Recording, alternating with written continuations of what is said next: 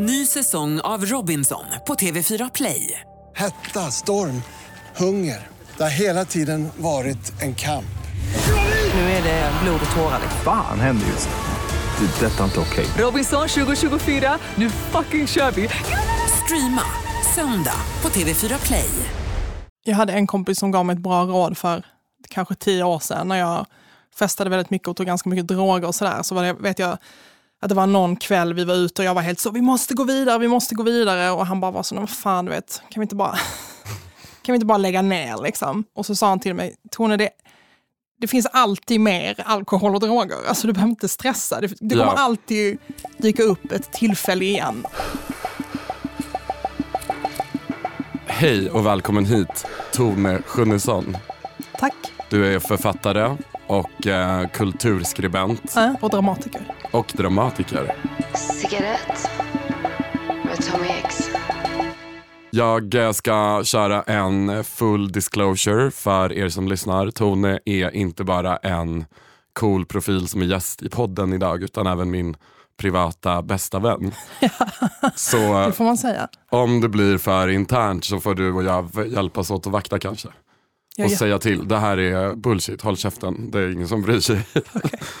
Ehm, men jag tänker ställa samma fråga till dig som alla andra gäster har fått och det är, minns du din första cigarett? Jag minns den mycket väl. Mhm. För att jag planerade för den här väldigt länge. Wow, Ja, när jag gick i eh, skolan i mellanstadiet och lågstadiet och sådär. Alltså jag vill inte säga att jag liksom var en mes, för det säger min mamma att jag inte får säga att jag var. Men jag var väldigt försiktig och jag var väldigt så...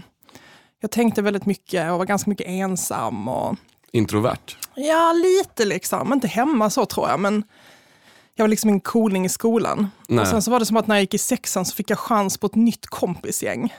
Ehm, En eh, liksom imageförnying. Ja, fast de var liksom inte heller coola, utan det var mer att vi bara var ett gäng freaks som hittade varandra. Ja, Men då var det nog som att alla såg en chans att bara bryta loss lite från sina kompisgäng som vi alla var mesigast i.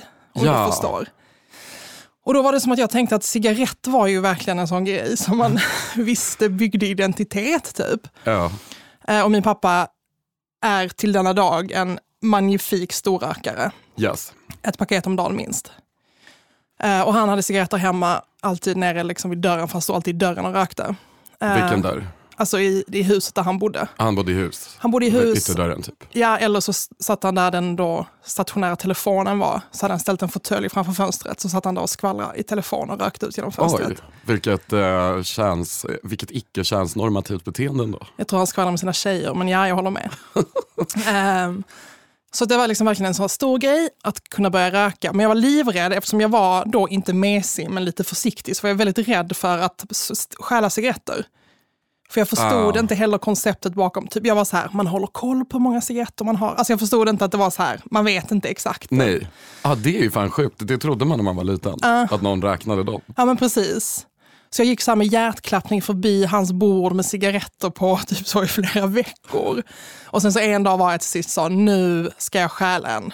Typ när han var och handlade på Ica eller något. Och jag, bara, alltså, det var verkligen, jag kände mig som en sån kriminell. Ja. Och så la jag det i min jackficka och så var jag så, på torsdag ska jag röka den med mina, nya kompisar. Men sen var det som att jag inte vågade säga till mina kompisar att jag hade stulit cigaretten. Aha. Så då var jag bara, för jag tänkte typ så, de kanske kommer tycka att det är, för då hade jag, jag hade varit en väldigt aktiv antirökare innan dess. Ja, Jag vet att jag var på en fest, typ den enda festen jag var bjuden på, blev jag ovän med alla för att jag var så, sluta röka! aha. Så det här var liksom verkligen ett personlighetsbyte för mig.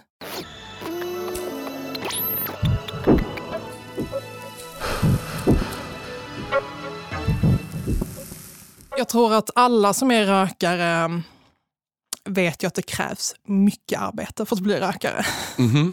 Särskilt om man börjar röka i en sån tidig ålder. Man måste Ja. ha tagit cigaretter, man måste smussla, man måste tvätta händerna med granbarr när man kommer hem. Allt. Oj, är det sant? Ja, ja, ja. Allt för att inte lukta rök typ. Aha. Ehm, men jag började jobba, det här, det här var nog ganska tidigt, det här var, gick jag kanske liksom i sexan. Och Ja. sen så i åttan, nian så var jag nog liksom, Alltså jag har ju aldrig behövt smussla. Okej, För jag flyttade ju hemifrån när jag var 15 till min moster. just det. Och hon kunde liksom inte kontrollera mig för det var så här uh, no no eftersom Mm. ja, men du är Du inte mitt inte barn, jag har inte den Mm. men samtidigt världens bästa moster och liksom, som tog hand om mig så det var ju lite orättvist. Sen men- var ju jag mm. sådär när min pappa bara, men du är dum i huvudet, varför röker du?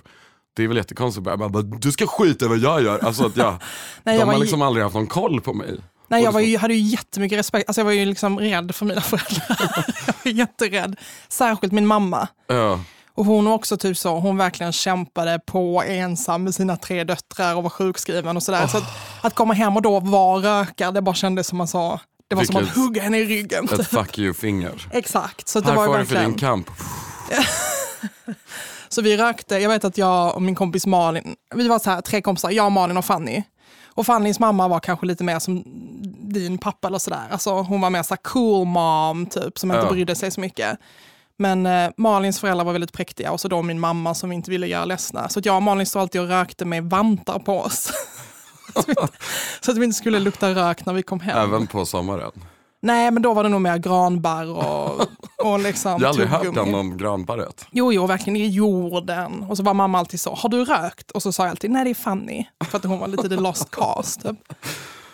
så Åh, sen shit. när jag kom upp i um, högstadiet, då var jag nog liksom rökare. Men på vår skola, om de såg oss röka på högstadieskolan så ringde de hem till föräldrarna. Mhm. Ehm, men sen på, Snitches. eller hur, eller hur. Men sen så på gymnasiet, då var jag full-blown smoker. För då kunde man bara göra som man ville. Exakt, det var ju en vuxen eh, stämpel å det grövsta i gymnasiet. Exakt. Alltså jag tror att det var då jag började och var så här, ja. Ja, men typ varje dag liksom. Och också så mycket socialt som byggde på det därför att rökrutan blev en hangout Mm. för liksom, Jag vet men det blev typ aldrig riktigt det för mig för jag vågade inte prata med de andra rökarna eftersom min sån lite försiktighet.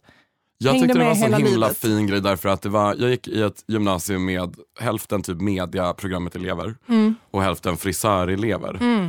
Och de i Norrköping då, alla de här frisörerna var liksom typ så jag tror alla var från Syrien och Shakira var jättestor då, så alla såg ut som Shakira. Oh my god, alla kallade mig Shakira på min gymnasieskola. Jag var så sluta! Men det var liksom så, frisörerna, alla Shakira-tjejer från Syrien och sen så var det alla svarthåriga panda, liksom lantisar i media och sen var det såklart massa andra program.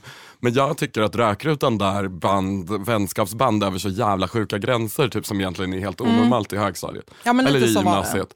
Att du typ bara, ah, men har du en cigg? Då liksom släppte ju, då kan inte den vara emot någon eller så bla bla bla. Det är ju sån, jag det vet- dålig förklaring. Nej men jag, jag håller med dig att det blev som en liksom en lägereld att samlas kring. Ja. Men jag, tänker, jag vet att de sålde liksom cigaretter på, i kiosken på vår gymnasieskola och sådär. Det är sjukt. Och då kunde man köpa det utan att vara 18 liksom. Man kunde till och med krita.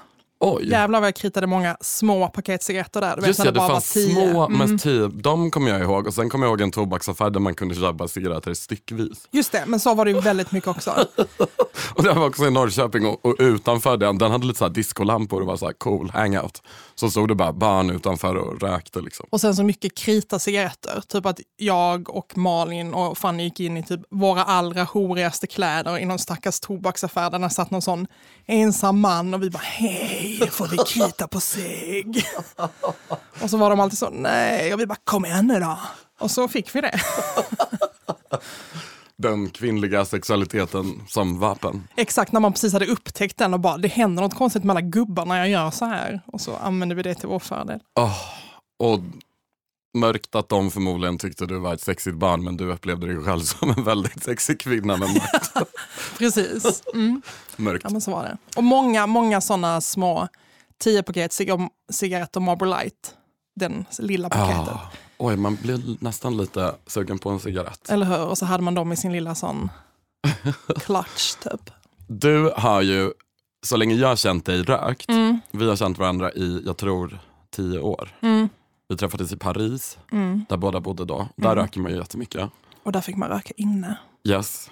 Men sen har du också under alla år jag känt dig ständigt varit på väg att sluta röka eller har slutat, Mm. börjat igen. Alltså hela tiden pendlar i det här. Vad är det som får dig att hela tiden börja igen? Eller liksom, Alltså jag tror att det som hela tiden får mig att börja igen är väl att jag är beroende. mm, Och det som får mig hela tiden att vilja sluta igen, tror jag. Alltså jag har min pappa som en sån rökningsantihjälte.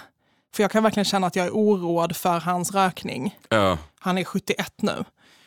Och jag kan verkligen vara så att jag vill verkligen att han ska röka och jag tänker på hans lungor och jag undrar hur han mår. Och, och så Ja. känner jag typ så, gud jag vill inte att andra Ska bli som med dig. Nej, och jag vill inte heller... Det känns som att ju längre man håller på, ju, längre, ju svårare blir det att sluta. Liksom. Så jag har haft väldigt länge en idé om att jag skulle sluta när jag var 25. Mhm. Och sen så kom 25 och gick igen. Ja. Och sen så nu när jag fyllde 30, då hade jag varit ihop med en kille ett år ungefär som inte var rökare. Ja. Och då hade jag sagt till honom under hela det året, när jag fyller 30, då ska jag sluta röka. Så det var liksom en jättestor motivation för mig att sluta. För att eh, jag ville inte att han skulle tycka att jag hade svag karaktär. Nej. Alltså det var som ett lite ytligt beslut kanske. Men sen så var jag, rö- var jag rökfri, helt rökfri ett par månader och sen så började jag alltid röka typ en cigarett igen när jag dricker. Ja. Och sen så är det liksom, och det är så jag röker nu, att jag röker. ja, för du röker inte så mycket.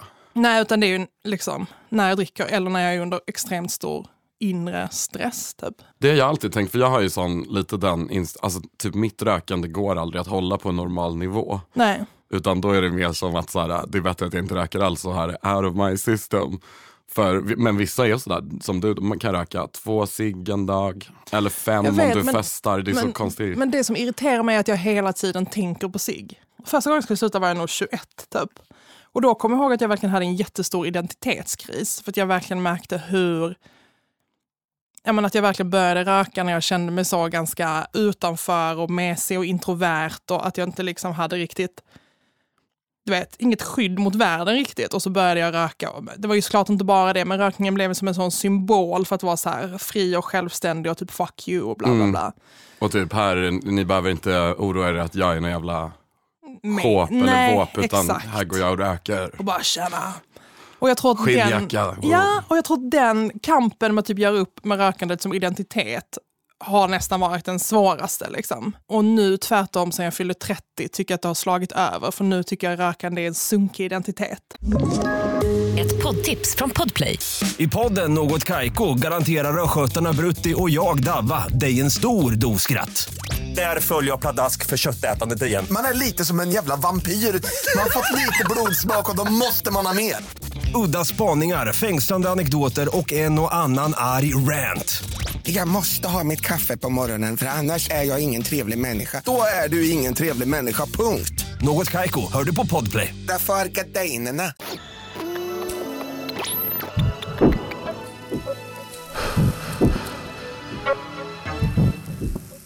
Innan du och jag blev liksom bästisar som var för fem år sedan kanske, då var jag väldigt så fast i ätstörningar, fortfarande väldigt ätstörande beteende. Och även om jag typ, okej det var inte som när jag var tonåring, så var det liksom ändå min sorts golden standard. Typ, och om man inte nådde upp till sitt ideal som man hade, som är helt sjukt nu i efterhand, så var det liksom, då var det inte så jättestor poäng i att ta hand om något. Eh, och då lärde du mig att så här, men det är liksom okej att jobba på sig själv. Om du är ätstörd och tänker massor på det här så finns det en massa andra saker du kan tänka på eller förbättra. Eller liksom, eh, man kan röra sig, man kan röka mindre, man kan dricka mindre. Alltså typ alla sådana saker. Gå till terapeut. Det finns ju saker att jobba på. Och jag har varit från början felprogrammerad tänker jag som ätstörd. Att man bara, men okej om jag inte når upp till mitt ideal som är att väga 50 kilo och se döende ut och vara helt vit, blek liksom. Då behöver jag inte tänka på någonting. Mm, just det. Så då, det kände jag var en sån himla så eh, underbar sak att lära sig. Jag vill tacka dig för det. Tack. Men sen vill jag också fråga dig varifrån fick du den, vad ska man kalla det? Du har som någon kraft, en inre kraft. Jag vet inte, jag tänkte faktiskt på det nyligen för jag förändrade också mitt liv ganska så snabbt och sådär nyligen. Liksom. Eller så jag avslutade en relation och gjorde det ganska så effektivt och bara Eh, Men jag tror att det är som att jag bara flera gånger i mitt liv bara drabbas av sådana starka, bara gud, men det kan inte vara så här typ. Och så Nej. är det som att det är bara som en sån inre grej, som är så, nu måste det vara annorlunda. Och jag tror det handlar jättemycket om att jag har som en sån, alltså, jag har typ som en sån dröm om livet, att man är typ med alla sina vänner runt ett jättestort bord och typ i Provence. Så, alltså jag har som en sån fantasi om livet som jag tänker att jag hela tiden arbetar mot. Liksom eh, som handlar om att vara nära varandra och tycka om varandra och kunna vara en person som typ tycker om andra människor och släpper och in tycka andra människor. om eh, sig själv. Precis. Men också att på vägen till att tycka om sig själv så har du lärt mig att man kan vara snäll mot sig själv för sin kompis skull. För Ja. du har ett uttryck som är, säg inte så om min kompis, om jag sitter och pratar skit om mig själv. Ja, precis. Åh, jag är så jävla ful, varför skelig jag, varför är jag tjock, varför har jag sånt här hår, bla bla bla, vad det nu jag säger. Och du bara, säg inte så om min kompis. Mm. Och då blir det så här, mm, you got me there, för att jag kan ju inte säga så om din kompis. Nej, precis. Och då blir det så här, man kan liksom man kan vara snäll mot sig själv för sina kompisars skull Mm. om man inte orkar eller kan just då vara snäll mot sig själv. Ja, men det tror jag jättemycket för att jag, var, jag vet i början av mina 20 år, eller vad det heter, i början av mina 20s, Mhm. så var jag mega deprimerad under flera år. Och det som slog mig efter att jag kommit ur den depressionen var hur osoft jag hade varit mot alla jag tyckte om. Mm. Alltså, det är ju inte det första man tänker på i en depression och det är inte det första man bör tänka på. Nej. Men i efterhand kunde jag se hur liksom Ja, men att jag inte hade varit att lita på, att jag hade försvunnit i långa perioder.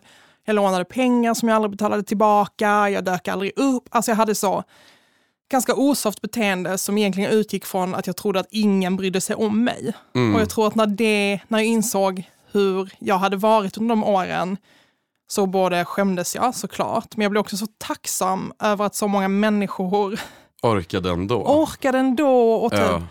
Och jag var alltid så arg på allt, alla som alltid ringde mig och ville ses. Och sen så nu i efterhand så är jag bara så lycklig över att det var så många som orkade ringa mig och orkade ses. Ja. Liksom. Så jag tror att det är som en sån grej jag försöker, sen jag lärde mig den, eller insåg det, jag bara försöker bära med, bä- bära med mig genom allt. Typ. Det smittar ju väldigt mycket. Ja, och att det alltid finns någon som ändå bryr sig. Liksom. Och att när man inte... Och att man kan försöka se sig själv genom... Jag kan försöka se mig själv genom dina ögon till exempel, när mina ögon är bedrägliga. Och, Ja. och där tänker jag också med typ som att börja sluta röka eller om man har problem med alkohol eller droger eller andra liksom, ätstörningar eller att man kan vara så att det också är en sån försöka och misslyckas period. Och det gör ingenting om man misslyckas för då kan man bara försöka igen typ. Mm. Man behöver inte tycka att man är världens största idiot för att ah, jag skulle sluta röka men nu började jag igen. Utan man kan vara så, bra kämpat, nu börjar vi om. Alltså att man kan vara Exakt. lite förlåtande mot sig själv. Men det är det jag tror också finns i den allmänna, liksom, vad ska man säga, viben eller i konceptet sluta röka. Mm. Det är väldigt oförlåtande. För du ska sluta röka och du ska börja träna samtidigt och köpa nya möbler hemma. Eller typ, Ja. det, är så här, det är så inbäddat i allt den här lifestyle liksom, beteendet som man försöker få folk att syssla med. Så rökning är ju en ganska så också, men det spelar väl ingen roll om jag röker, jag bara fortsätter. Jag sitter här, jag är mitt vanliga gamla trötta äckliga jag. Vad, vad spelar det för roll? Typ? Men alla som lyssnar och som kanske funderar på, ska jag sluta sådär? Tänk på att man bara gör det och så fail and error. Det går att göra det igen. Typ. Eller liksom, ha inte så höga förväntningar på sig själv. Jag hade en kompis som gav mig ett bra råd för kanske tio år sedan när jag festade väldigt mycket och tog ganska mycket droger och sådär. Så var det, vet jag att det var någon kväll vi var ute och jag var helt så, vi måste gå vidare, vi måste gå vidare. Och han bara var så, "Nej, vad fan du vet, kan vi inte bara, kan vi inte bara lägga ner liksom? Ja. Nej men vi måste, vi måste. Och så, och så sa han till mig, Tone det, det finns alltid mer alkohol och droger. Alltså du behöver inte stressa, det, det kommer Ja. alltid dyka upp ett tillfälle igen. Och så försöker jag tänka ibland när jag får panik över att sluta röka, för jag kan vara så, kommer jag aldrig mer få röka? Och då försöker jag bara tänka, alltså jag vet jag har kompisar som varit i AA och sånt, som Ja. har lärt mig det, typ att man är så, idag, Ja. idag ska jag inte röka. Nu ska jag inte röka. Och det kommer alltid finnas mer cigaretter. Jag kommer alltid kunna gå och köpa cigaretter. Jag behöver inte vara stressad. Jag behöver inte känna mig hiad att jag måste röka just nu. Vill Nej. jag röka imorgon så kan jag göra det.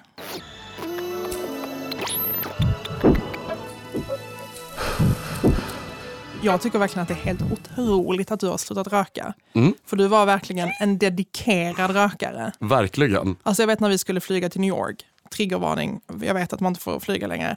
Men då, det var ju liksom ett samtalsämne vi hade flera veckor innan, hur du skulle göra med cigaretter på flyget. Aha, var Alltså, det? ja, du var så jävla stressad över det och bara, Oj. och jag var så här, du kanske kan snusa, och du bara, nej det går inte. Och, alltså, och Ja, för man så, blir liksom så nipprig. Ja, men jag tänker också att man är så, det som jag hatar mest med cigaretter, att man alltid bara tänker på cigaretter. Typ. Ja. Det är ju verkligen ett exempel på det, att vi skulle åka på semester och du var så, vad fan ska jag göra på flyget? Typ. Oh shit, det har du faktiskt inte, eller det har du rätt i, det hade inte jag tänkt på. Undrar var, eh, alltså jag har ju åkt, jag har åkt tåg efter att jag slutat röka. Och det var liksom första gången så kändes det snopet att kliva av och inte tända en cigg. Men nu åkte ju vi tåg till Göteborg förra veckan och det kändes inte alls snopet. Eller så, jag tänkte inte ens på det. Nej, istället åt vi en närorik linssallad. Just det, på tåget. Men jag tänkte annars den här när man kliver av en lång tågresa på fem timmar och så tänder man en cigg på perrongen i en ny främmande stad. Det är ju jättehärligt. Men det var lika Ja. härligt ändå. Utan, Utan ciggen, ja. Och till och med mycket, alltså så här, en fördel med att inte röka, man är mycket mindre stressad. Verkligen. Eh, för det försvinner ett helt lager av sån liksom hemnyckeladministration. Typ, ciggen, var är min Just det, tändare? Kan jag det. tändare av dig? Oj oj oj, nu måste jag gå av här. Alltså, det är så mycket sånt, man bara kan chilla lite mer. Jag känner mig mer som en så jobbig man, typ dude, douche. Jobbig. Nej men typ såhär, "Åh, åh, går jag för sakta? Jag kanske är i vägen här, jag har inget bråttom någonstans. Jag har inga cigg jag ska röka. Åh, vad härligt, du är mer närvarande helt enkelt. Mer närvarande, men också typ så är det en styrka jag haft innan att jag är stressad och går som en hackspett typ 200 kilometer i timmen. Bara vill byta plats på festen hela tiden för att arbeta mig mot balkongen. Är det liksom, Jag tycker fortfarande att du är väldigt energifylld. okej bra. Så det tycker jag inte har. Tycker du att jag har förändrats på något sätt? Sen du slutade röka. Ja, men det var ju verkligen som att du var en nästan militant rökare Ja. innan. Och det, jag tror det är det som, det är det som är den största förändringen. Och det är det, det är därför också det känns så otroligt att du har lyckats sluta röka så bra. Ja. För det känns nästan som att det var politiskt för dig att röka. Alltså jag är ju lite så skäms över det. Typ många av eh, musikvideos jag har regisserat är det ju liksom, då kände jag också en militant rökare. Som, Vet vem du var? Alltså alltid, jag, jag är ju från Malmö och jag har varit på mycket sådana Kiviks marknad och sådana sommarmarknader som finns i Skåne. Och då här- säljer de, det här låter... och då säljer de alltid sådana t-shirts som en viss sorts killar köper som det står så. Jag älskar djur och så är det bild på kanin och så står det men god sås till. Ah, Den var du fast i rökvärlden. jag älskar cigg. Jag kan inte komma Nej, men det, du förstår att man verkligen är så, jag är minsann köttätare, jag är Ja. minsann rökare. Och jag Men- vet att också inför att eh, det paret som du bor i kollektiv med, inför att de skulle få barn, då var du ju liksom aktivt arg på barnet för att det skulle, innan det kommit. Just ja. För att du inte skulle få röka inne. Men till slut när det föddes och var världens gulligaste, min lilla ögonsten, så unnar jag barnet en rökfri uppväxtmiljö. Och jag tycker framför allt att jag tror typ det som jag tycker om med att du slutat röka, det kanske är så, det kanske inte märks utåt, men att jag föreställer mig att det också betyder att du bryr dig lite mer om dig själv. Och det, Ja. och det känns som en stor förändring du har gjort i livet överlag. Ja. Som kanske inte märks i din personlighet, men som märks i hur du lever ditt liv. Och det Men jag känns tror att jag, jätteinspirerande. tack så jättemycket. Jag tror att jag laddar om för 30 år till. Alltså att jag trodde jag skulle leva till jag var 30 kanske. Och sen bara, vad, vad fan. Vi kan, så- vi kan väl satsa på 60 år till. Ja, men att man fortfarande är här och är lite förvånad och bara, ah, kanske borde se över liksom, Ja, men rutinerna precis. Mm. om det ska gå 30 år till. Eh, och det kanske inte har så mycket med mig personligt att göra hur jag är utan mera åldern. Ja, men Och- också tänker jag, alltså, det som vi pratade om innan, att man kan förändra hur man är och att det behöver inte vara så. Allt måste förändras idag, annars är det inte värt. Utan att, Mm. att leva också är att vara i den förändringen och att det också är spännande Ja, att förändras och att det får ta tid. Och, det är läste någon- jättespännande med förändringen. jag läste någonstans typ att det var så att man ska bara göra en förändring i taget. Och det Mm. kan jag känna att jag, och jag tror många misslyckas med, som du sa innan, att man är så, jag ska sluta röka, jag ska börja träna, jag ska, bara, jag ska äta fem grönsaker om dagen. Och så bara blir det för mycket och sen så bara misslyckas man och så skiter man i allt. Liksom. Men det Mm. känns som att du verkligen har varit så, nu ska jag sluta röka, nu ska jag göra det här. Alltså att du ger dig själv tid.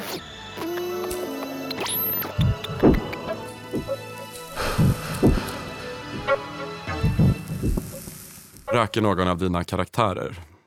Ja, det får man absolut säga. Och var det svårt att ta ställning till när du skrev? Tänker du någonting på vad man ger för... Nej, men vet du vad? Nej, vet du? Jag tror så här. I Tripprapporter som är min debutroman. Mm. Ehm, hon karaktären där, jag vet att hon röker, men jag tror, Jo, jag skrev ut någon gång att hon rökte, men jag var jättemån om att inte eh, göra någon sån romantisk Per Hagman-grej kring rökning. Mm. Bara av estetiska anledningar, för jag tänkte att den karaktären är så jävla far out, så hon skulle aldrig romantisera en sak som sig, för det är ungefär som att dricka vatten för henne. Ja. Så det var liksom, det var viktigt för mig att hon, eller hon är självklart en rökare, men inte som en så här uppseendeväckande grej, utan mer som att det kommer modersmjölken. Ja. Jag har ju tänkt mycket på sånt att man bara, det är ett väldigt lätt grepp att ta till om någon ska vara cool. Eller liksom, ehm, även när man stylar mode eller liksom sånt där det inte finns en berättelse så. Men det är ett ganska sånt, här är ett kännetecken på att den här personen är cool och farlig och skiter i vad folk tycker. Så har jag jobbat med Nannas och, eh, och hennes podd Punani 99 och gjort så här små reklamfilmer till den.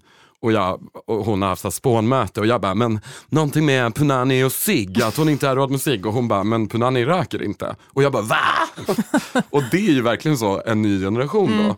Därför att i min värld så den här karaktären Punani 99 är ju självklart en rökare. Och går i gymnasiet och röker eller är på massa svartklubbar och röker. Och så, nej, Nej. hon är, liksom, hon är en 17, eller 18-åring eller vad hon är som är idag. Och då röker inte den coola 18-åringen. Och det är ju lite spännande. Ja men verkligen, för det känns ju som att cigarett verkligen har varit en sån symbol för att vara rebell typ. Men Mm. nu är det med kanske mer, särskilt om då som jag tänker på Nani så Stockholms tjej liksom, så är Ja. det kanske mer sunkigt. Ja. Eller fast, alltså vet du vad? Det känns också som att jag undrar om jag har varit del att göra sunkigt ute. Vad sa du nu? Att, om jag har varit en del att göra det sunkiga ute. För jag menar, det känns som att sunkigt var ju coolt för men nu känns det som att det fräscha eller det som verkar fräscht är det som är poppen. Men jag vill verkligen säga att jag är emot rökning. Jag tror, jag tror att jag landar i det. att du landar, alltså rökning? Överlag. ja, det är ju klart. Man är dör ju. Ja. Alltså det är helt sjukt. Och jag kan inte fatta att jag jobbade så jävla hårt på att stjäla den där knyggliga cigaretten som jag rökte ensam i en buske. Och det var bara starten på typ ett problem jag antagligen kommer klura på tills jag dör. Ja. Att jag kommer att sluta, börja, ska jag börja igen, ska jag sluta igen? Och så där kommer jag liksom hålla på Men tror du att det kommer bli lättare för dig att totalt sluta nu när det till exempel blir förbud på uteserveringar? Ja, jag hoppas det. För jag är ju kluven i det i och med att jag är jättemycket emot förbudet. Mm. Samtidigt så var ju en av anledningarna till varför jag slutade i vintras för att jag skulle slippa deala med det här förbudet när det trädde i kraft. Ja, det är jobbigt att dela med, jag håller med. För jag blir personligt upprörd varje gång jag tänker på det och tänk vad skönt för mig att slippa det och då slutade jag röka. Så på ett sätt har det ju haft sin En oanad eller? konsekvens kanske skulle vara att man slutar dricka. alltså, för ibland kan jag verkligen känna att, att jag kan vara så, för nu är det mer som att jag bara, nej men jag, jag röker bara typ två cigaretter när jag dricker. Det kanske är min nya så inofficiella regel. Ja. Men nu kan jag till och med känna att jag så vill provocera fram att dricka mer så att jag får röka. Ah, ett missbruk leder ett annat. Precis. Hand i hand. Mm. Tack för att du kom. Tack Tommy. Cigarett är en podd som görs av mig, Tommy X och produktionsbolaget Filt Hinterland. Producent var Moa Sultanian Magnusson och musiken gjordes av Fiona Fitzpatrick. Vi hörs!